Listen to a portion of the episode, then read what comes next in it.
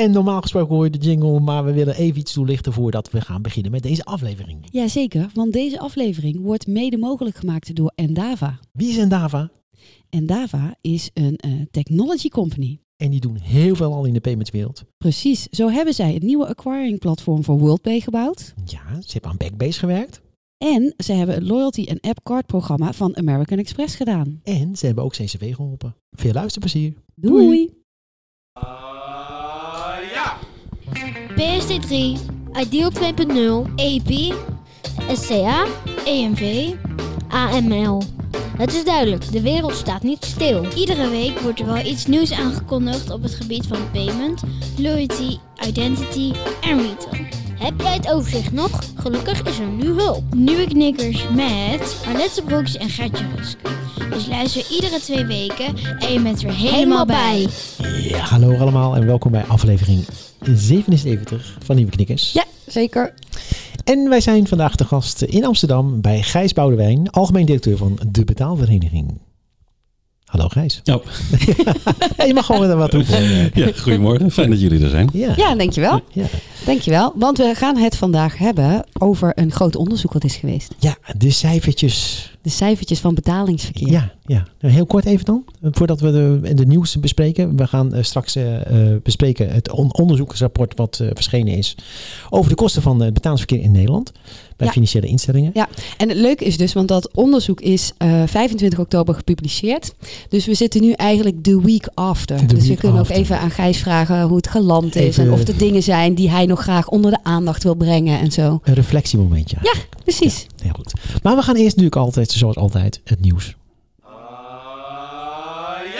Zeker. Nou, kom maar door. Jij mag het eerste En nieuwtje ik doen. heb twee dingetjes, heel kort. Want eh, eentje wil ik uittesten. Ik zag, eh, oh, dat is een, eh, hoe is dat ook weer? Weet ik niet. Dat is een uitproberen en testen. Dat is een samenvoeging. Oh, ja. Ik, wat ik ga testen, dat is, je kunt tegenwoordig ook je slot van je OV-fiets openmaken met je OV-kaart. Ja, dat is nieuw. Je kijkt me heel ongeloofwaardig aan. Nee, Wow. nee, nee. Eh, ik, ik was even, want we hebben het eerder heel vaak gehad over dat je kan reizen in het eh, OV met je bankpas. Ja. Eh, dus ik had al een stap overgeslagen. Oh, dus ik had dat bericht niet zo goed gelezen. En ik dacht, hé, hey, nu kun je ook je OV-fiets openmaken met je bankpas. Maar dat is nog niet zo. Dat Het is nu de OV-kaart. dat ga ik testen. Ja. Of dat ook zo is, want dat lijkt me dan eh, logisch. met je bankpas? Dat uiteindelijk toch ook je bankpas. Dus dat ga ik vragen. Ja, want dan moet die fiets nog net wat slimmer zijn. Die moet ook, eh, ja, want, dan is, want de bankpas is Heb- open. hebben we een EMV gecertificeerd slot. Ja, ja, dat bedoel ik. Ja, ja, dus dat, dat wordt dan eh, weer wat geavanceerder. En een ander dingetje, en dat is tegelijkertijd een innovatieopdracht voor de banken. Oh, Want huiswerk. gisteren is live gekomen eindelijk de multisim van KPN. Je hebt geen idee waar ik het over heb. Allebei zie ik jullie Nee, frons op kijken. beetje glazig. Het heeft te maken met de Apple Watch. Want dat is de Ja? eerste device waar KPN mee live ging. T-Mobile was vorig jaar al live. Maar je kan nu, als jij een, eh, een SIM hebt van KPN of van T-Mobile, dan kan je een multisim aanzetten. En dat betekent dat je ook bereikbaar bent onder hetzelfde nummer op je Apple Watch. Dus je kunt eigenlijk je iPhone thuis laten. Ja, wa- was dat niet al heel lang geleden de bedoeling? Ja, het, het bestaat al jaren. Alleen in Nederland eh, hebben we er heel lang Oh, over gedaan. serieus? Vorig jaar is T-Mobile ermee begonnen. Die hadden denk ik een exclusieve deal met Apple. En KPN is gisteren gestart, eindelijk. En Maar wat dan- kunnen de banken daar dan mee? Nou, dat zal ik je vertellen. Er zijn natuurlijk een aantal apps die maken daar gebruik van. Bijvoorbeeld Spotify betekent gewoon dat je je, kunt je telefoon thuis laten. En je kunt gewoon lekker gaan hardlopen met je Apple Watch. En je kunt gewoon direct streamen vanaf je Apple Watch. Ja. Wat zou ik dan willen als nerd? Dat ik een bank-app heb. Waarmee ik ook gewoon direct dan mijn saldo op kan vragen bijvoorbeeld. Ja, want kun ben- je wel al eh, dan mee betalen als je telefoon niet in de buurt is? Of moeten ze kan daar al. ook dingen? Dat kan al. Dat kon al. Ja, Oh, maar je kon nog geen ideal betaling doen. Maar nu zou je theoretisch zelfs Ja. een ideal betaling met je telefoon kunnen doen. Hmm. Ja, ja. Dus welke bank is er zometeen als eerste live met een eh, app die ook echt geschikt is voor een Apple Watch 4G? Ja, Daar ben ik nieuwsgierig naar. ik zou deze dan bewaren voor eh, straks eh, met onze kerstaflevering. Dan Ja. kun je alvast een eh, glazen bol voorspelling doen voor volgend Ja, jaar. maar ik schrijf Ja, dus al alvast de opdracht uit aan de bank. Ja. Dus ik ben heel ben- benieuwd wie er als eerste mee komt. En heb jij nog nieuwtjes? Ja, ik heb ook een nieuwtje. En dat is de bankpas in de Albert Heijn app. Ah. Ja, ehm, wat een beetje typisch was, was er werd best wel aangekondigd. En, eh, want je kan dus je bankpas nu koppelen eh, in de Albert Heijn app. Tokenization kan eh, met ING, kan met Rabobank. Dus ik dacht meteen, want jij zat ergens in de zon. Mhm. Dus ik nam die rol van tester op me. heel dus ik goed. dacht, ik ga dat testen. Ja. En toen was het dus overal al gecommuniceerd en toen kon het helemaal nog niet. Moest ik een week wachten. Dacht, oh, dat is wel een beetje een slechte timing qua communicatie. Want normaal als zoiets dan toch overal gecommuniceerd wordt, dan wil je toch ook dat mensen enthousiast worden en meteen kunnen proberen. Nou, kon toen nog niet. Nu kan het wel. En ehm, eh, op zich ging het koppelen heel makkelijk. Lijkt een beetje op zo'n PSD2-koppeling van je eh, rekengegevens en zo. Dus je zit in de Albert Heijn-app en je gaat naar je bank-app en daar geef je goedkeuring.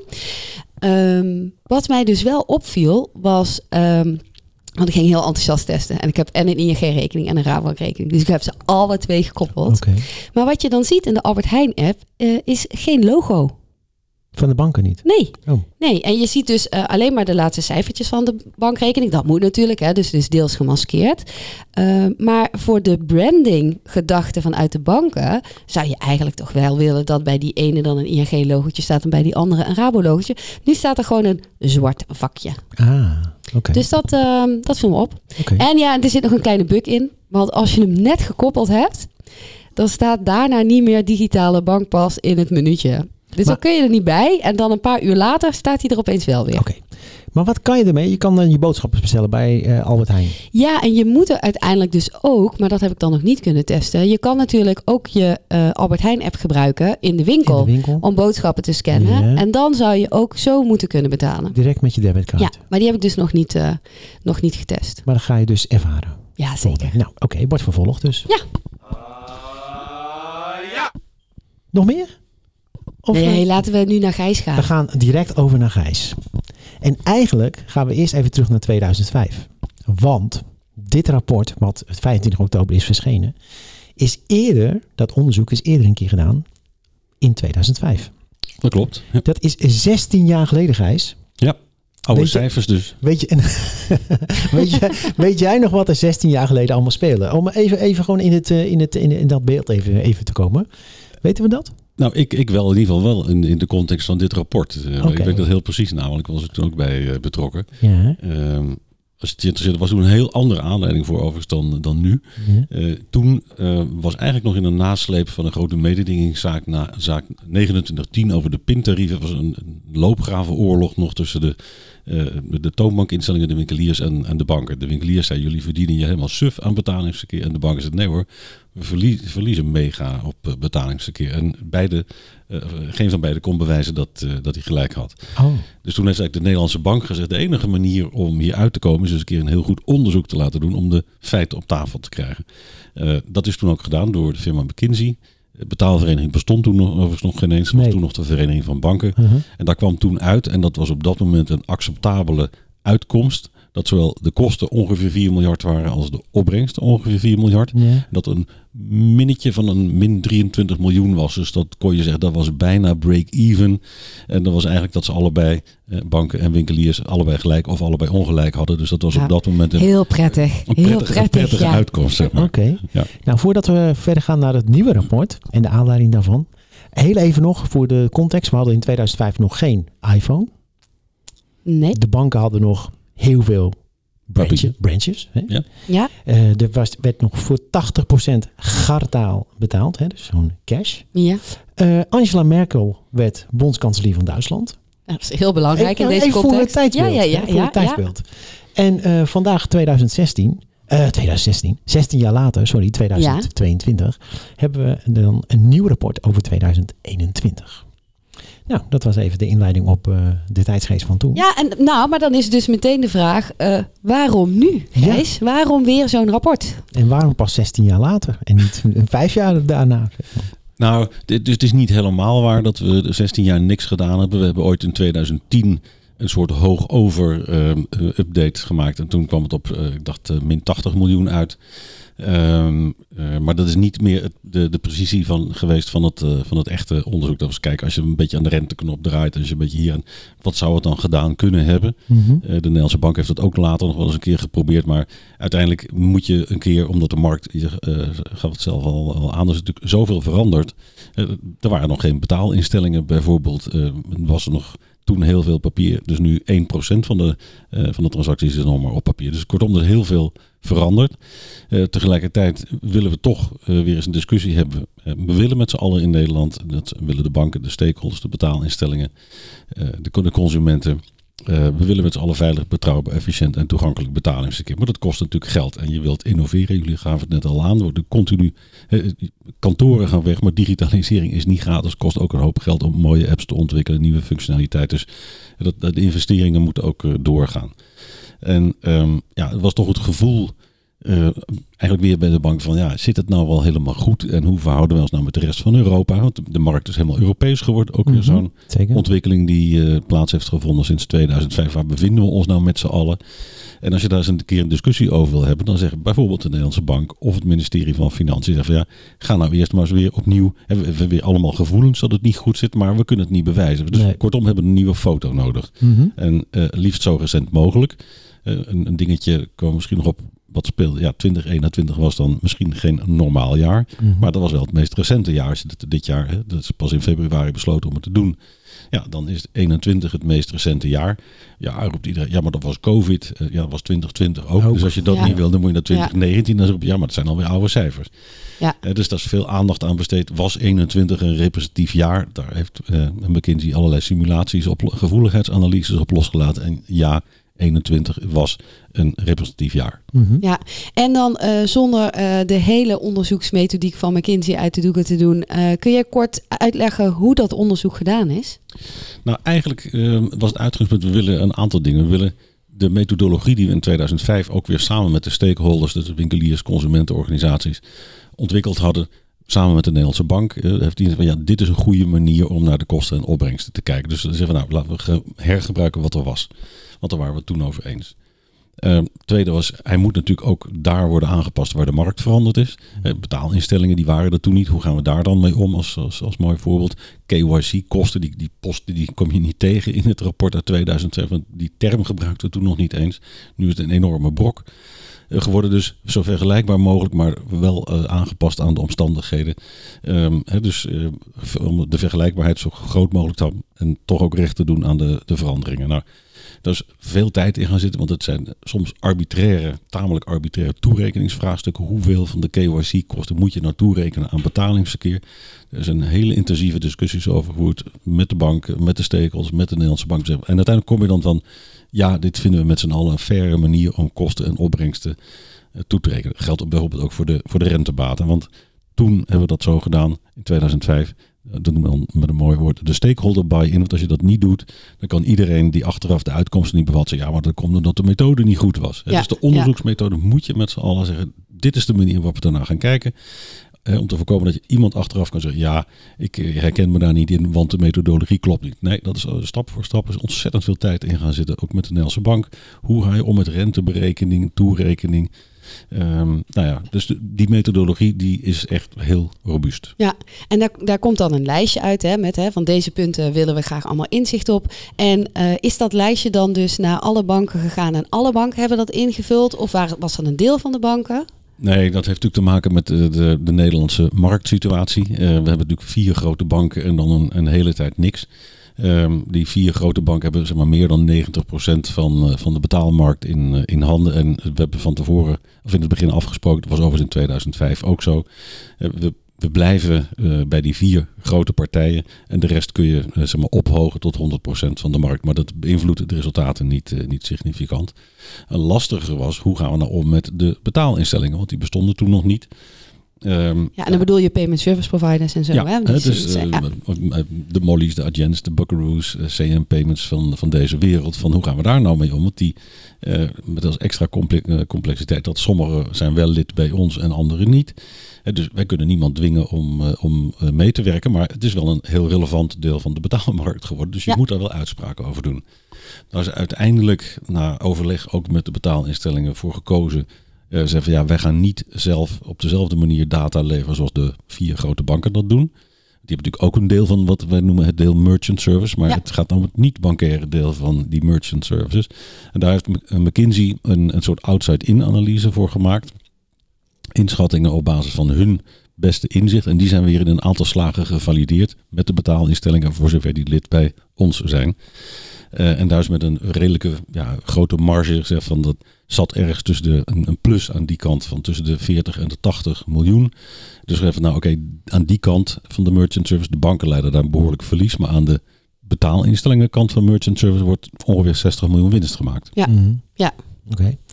Hey, en dan toch ook even snel eh, in één zin de belangrijkste conclusie van het rapport. Nou, eh, wij hebben ervoor gekozen om de glas is half vol benadering daarin te nemen. Je kunt zeggen aan de ene kant eh, laat het gewoon zien. Eh, en met name door de KYC-kosten die behoorlijk eh, uit de hand eh, ge- gelopen zijn. Maak je dus meer dan een half miljard verlies. Tegelijkertijd kun je ook constateren dat ten opzichte van 2005 tegen dezelfde nominale, pakweg 4 miljard euro, er 2,5 keer zoveel transacties verwerkt zijn. Dus we hebben met z'n Ja, allen... je- dus even, je hebt een kostenbelading van zeg maar 4 miljard. Ja. Die, en die is nu maar ten opzichte van 2005 met 5% gestegen. Ja. Klopt, terwijl we 250% meer transacties gedaan hebben. Dus er is een enorme efficiëntieslag gemaakt, waar we met z'n allen eh, super trots op zijn. Alleen ja, helaas door een aantal andere kostenposten wordt dat weer teniet gedaan. Ja, ja, en dat is dan wel opvallend, hè? want dat, je ziet dat dat laatste stukje, ehm, eh, dus ehm, eh, het verlies, dat is wat dan heel erg in de media terugkwam. Dus als je de koppen van het FD, NRC en Telegraaf eh, naast elkaar zit, zet, dan is het banken verliezen 100 miljoen op betalingsverkeer, Nederlandse banken verliezen flink op betalingen, betalingsverkeer strop voor banken, dat is Telegraaf, die zetten altijd wat scherper weg. En um, uh, dus je ziet dat zij heel erg daarop focussen. Maar um, als je kijkt dus naar dat totaalplaatje wat jij zegt, hè, dus aan de ene kant efficiëntie, aan de andere kant uh, hoge kosten. Die uitkomst, was dat een verrassing voor jou? Uh, nee, maar omdat we natuurlijk allemaal het gevoel hadden dat er in ieder geval geen winst gemaakt werd. De vraag is dan hoeveel verlies. Uh, ja, dan kun je zeggen, wat, wat waren dan je verwachtingen? Ja, dat, dat, we dachten wel dat het meer zou zijn, met name door die KYC-kosten dan in, uh, dan in 2005. Ik ben eigenlijk meer verrast door de efficiëntiewinst. Dat hadden wij niet verwacht, dat ja. die zo groot zou zijn. Dus je kunt op allerlei manieren naar kijken. Uh, en over de koppen in de krant die komen niet bij ons vandaan. We hebben zelfs niet nee, een persbericht nee. uitgedaan. We hebben een informatieve bijeenkomst voor journalisten... waar we ze ook uitgelegd hebben hoe de methodologie in elkaar zit. Maar die koppen hebben ze helemaal zelf bedacht. Die komen mm -hmm. niet uit een persbericht, want dat hebben we niet eens uitgebracht. Ja. Mm -hmm. Hey, dan nog heel even. Um, de, vier grote partijen in Nederland uh, uh, hebben meegedaan. De vier grote banken. Um, als je nou kijkt, als betalingsverkeer dan zo duur is. Kostenbelading 4 miljard, uh, half miljard kosten per jaar. Waarom staat er dan anderen toch in de wereld van betalingsverkeer? En dan heb ik niet alleen over betaalinstellingen, maar ook over nieuw, nieuw, nieuwe banken zoals Bunk, Number 26, et cetera. Nou ja, je kunt natuurlijk van. De, de, de banken hebben natuurlijk traditioneel de betaalrekening gebruikt als een soort navelstreng, als een anker, ankerproduct. Ja, als je de klant maar binnen had met zijn betaalrelatie, dan hoefde dat op zichzelf niet, uh, niet winstgevend te zijn. Uh, maar de veronderstelling, en dat was ook het businessmodel, was dat als je die klant dan eenmaal binnen hebt, dat zijn salaris binnenkomt, dan gaat hij als van, vanzelf winstgevende producten bij afnemen. Dat is een mooie verzekering, een hypotheek, een doorlopend krediet. En, en dan is die klant als totaalrelatie wel winstgevend, waarbij het onderdeel betalen best verlies mag, uh, mag, mag leiden.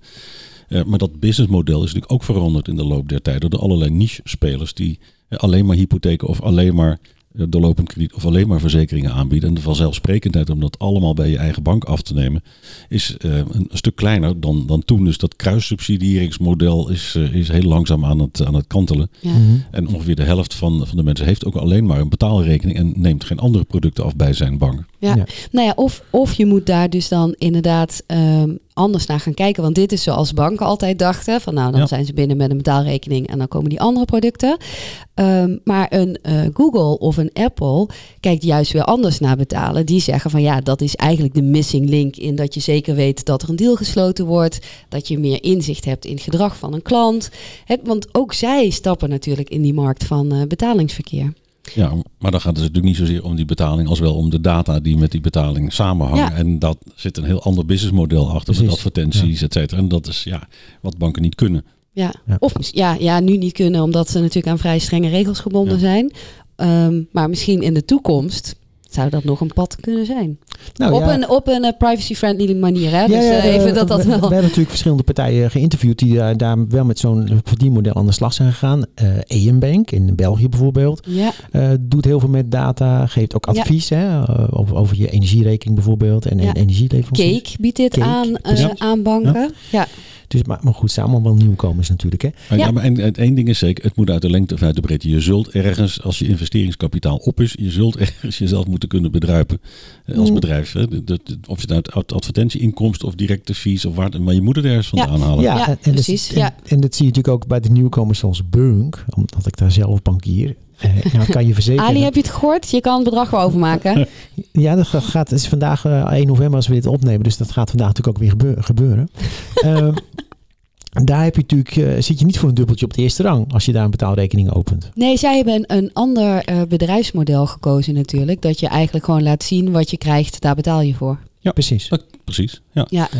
Maar dat is dan ook, ja, je, je moet wel, want als je eigenlijk alleen maar een, een, een mooie betaal-app aanbiedt, dan zul je daar ook de kosten mee moeten goedmaken. En je hebt die kruissubsidieringsmogelijkheden dus niet dan. Ja, ja. Nee, en ik denk ook wel dat, ehm hebben we het eerder wel alles over gehad. eh, uiteindelijk bedoel Bunk en ehm, eh, de banken, de andere, de traditionele eh, banken, bieden alle twee betalen aan. Maar hun uitgangspositie is natuurlijk wel echt heel anders. Mhm. Want op het moment dat Bunk zegt, eh, ik maak het duurder, dan hoor je alleen een klagende Gert-Jan bij nieuwe knikkers. Maar verder komt dat nergens terug.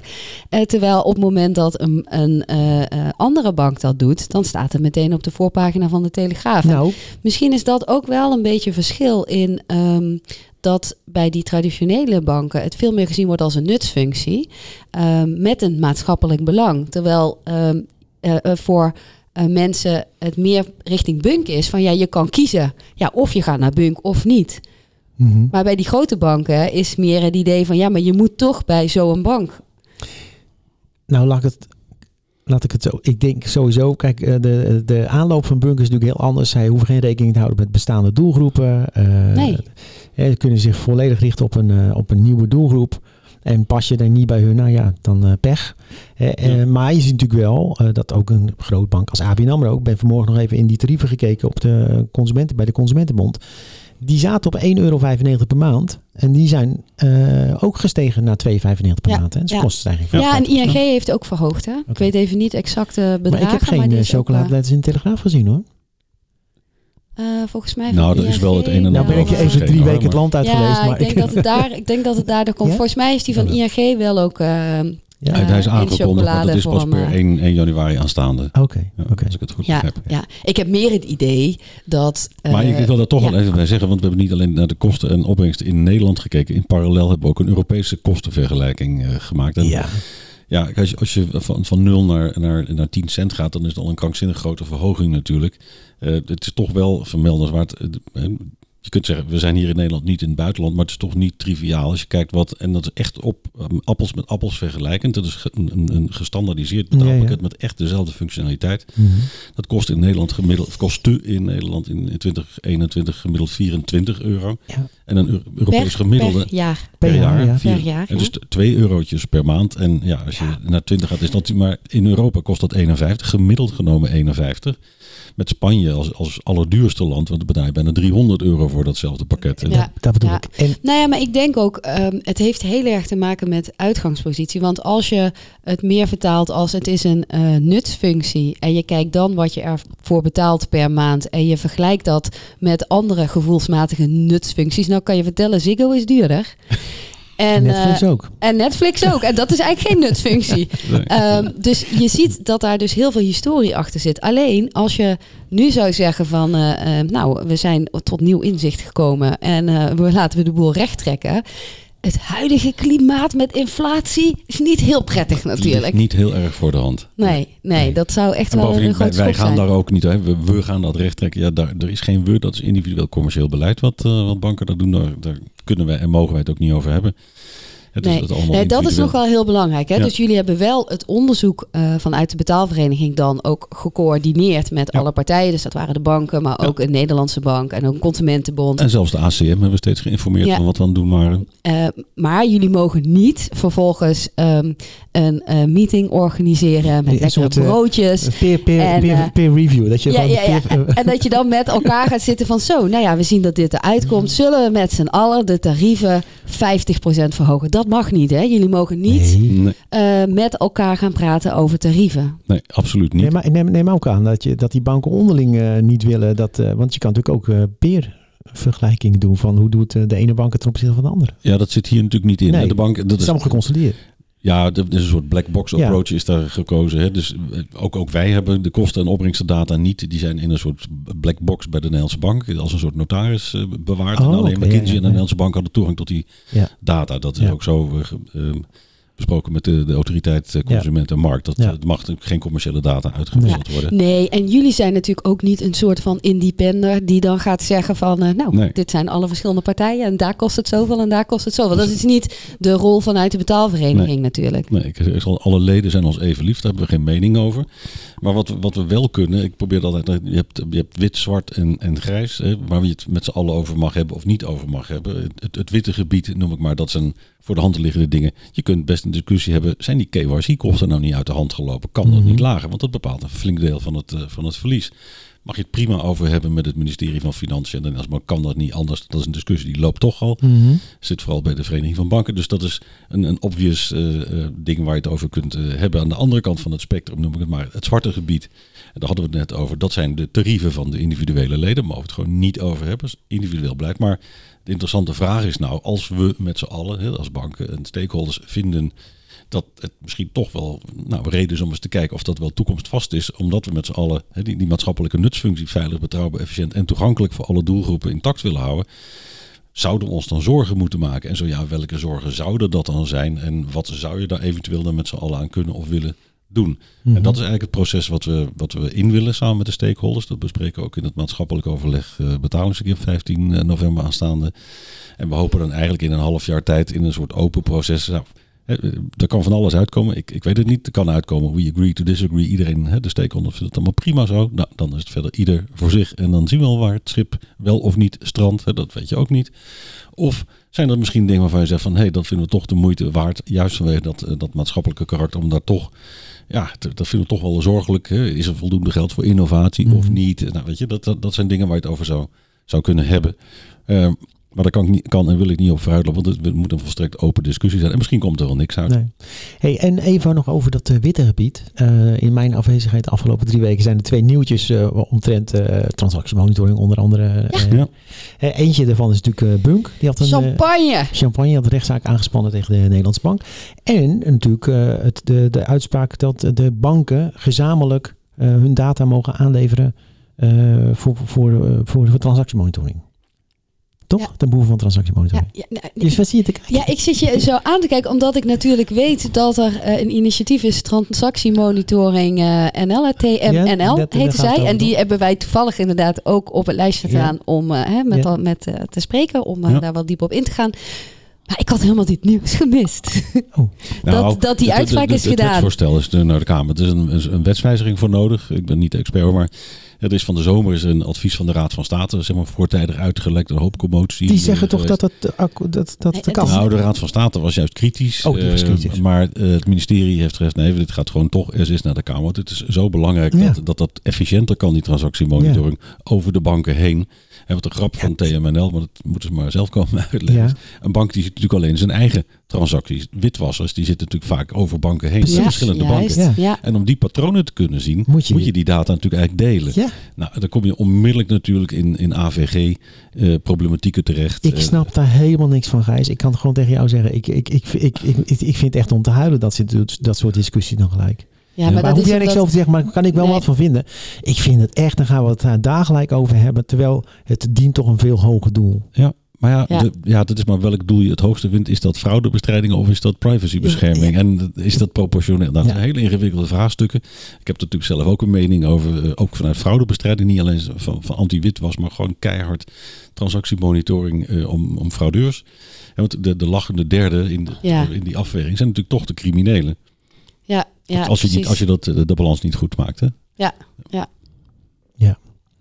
Dus eh, Ik zie het eh, gewoon ja, we gaan eh, kijken of we Norbert snel kunnen spreken. Oh, ja, Ja? goed.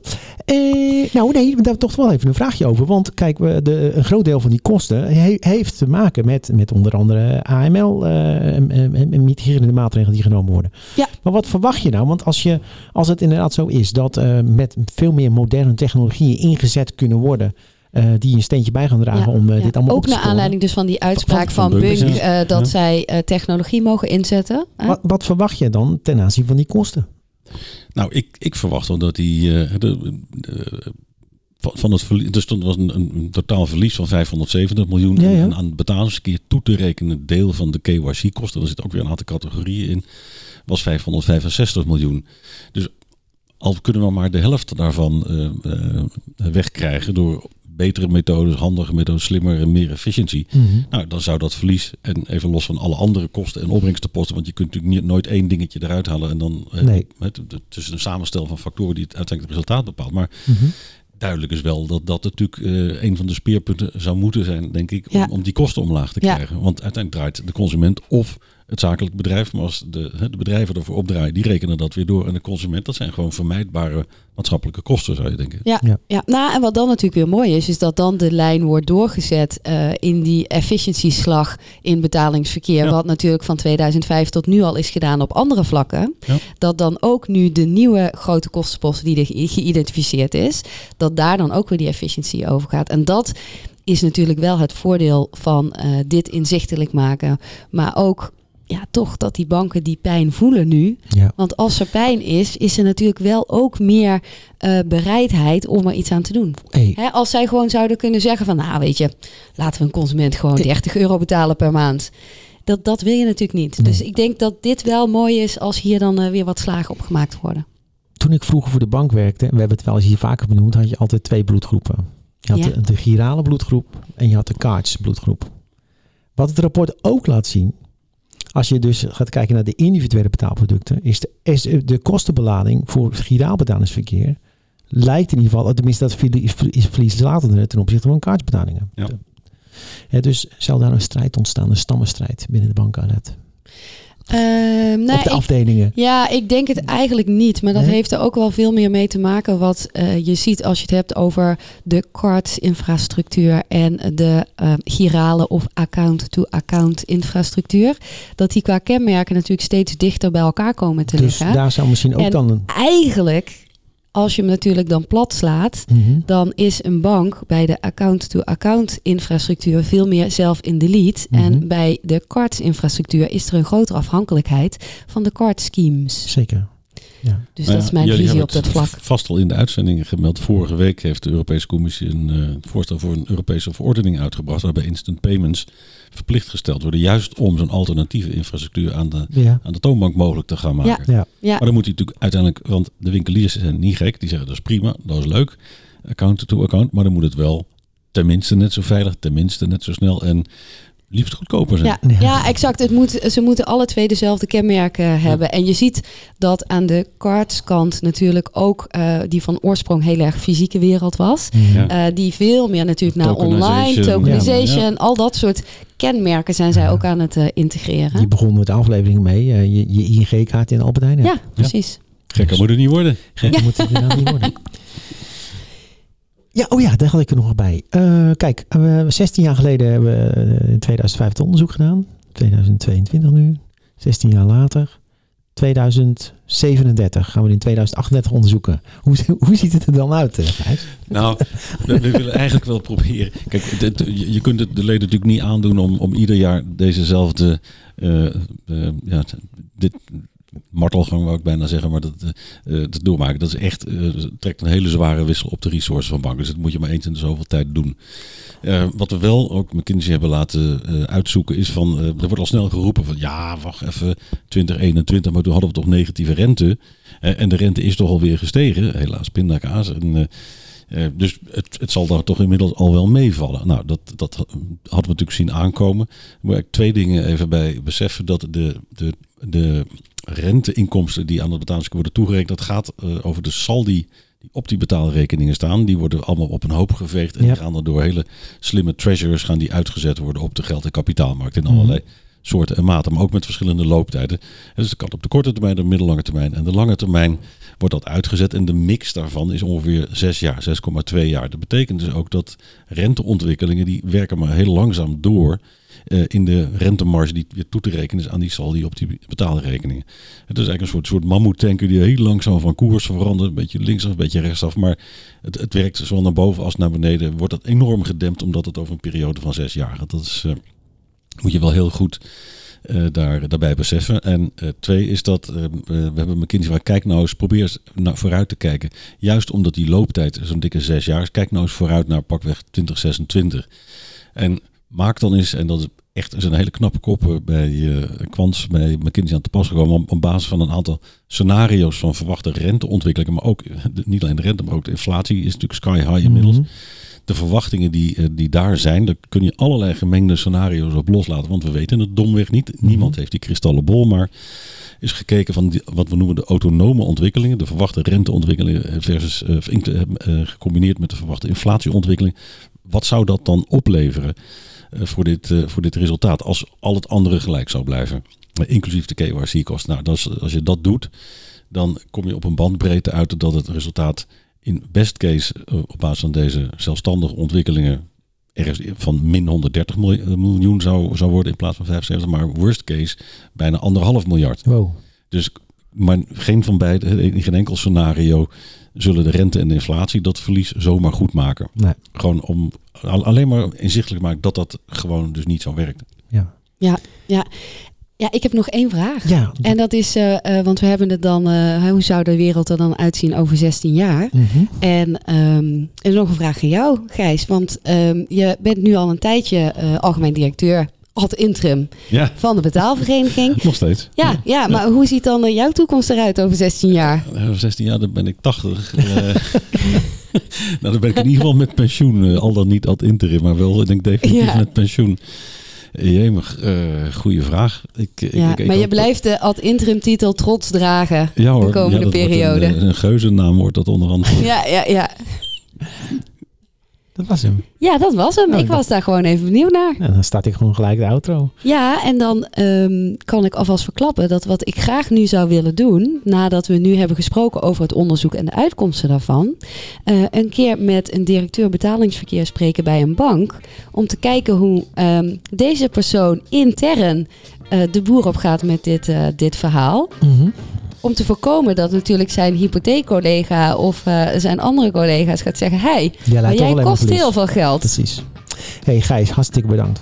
Graag gedaan. Oké. Jullie Dankjewel. bedankt voor het luisteren. Tot de volgende keer. Zeker tot de volgende keer. Doei.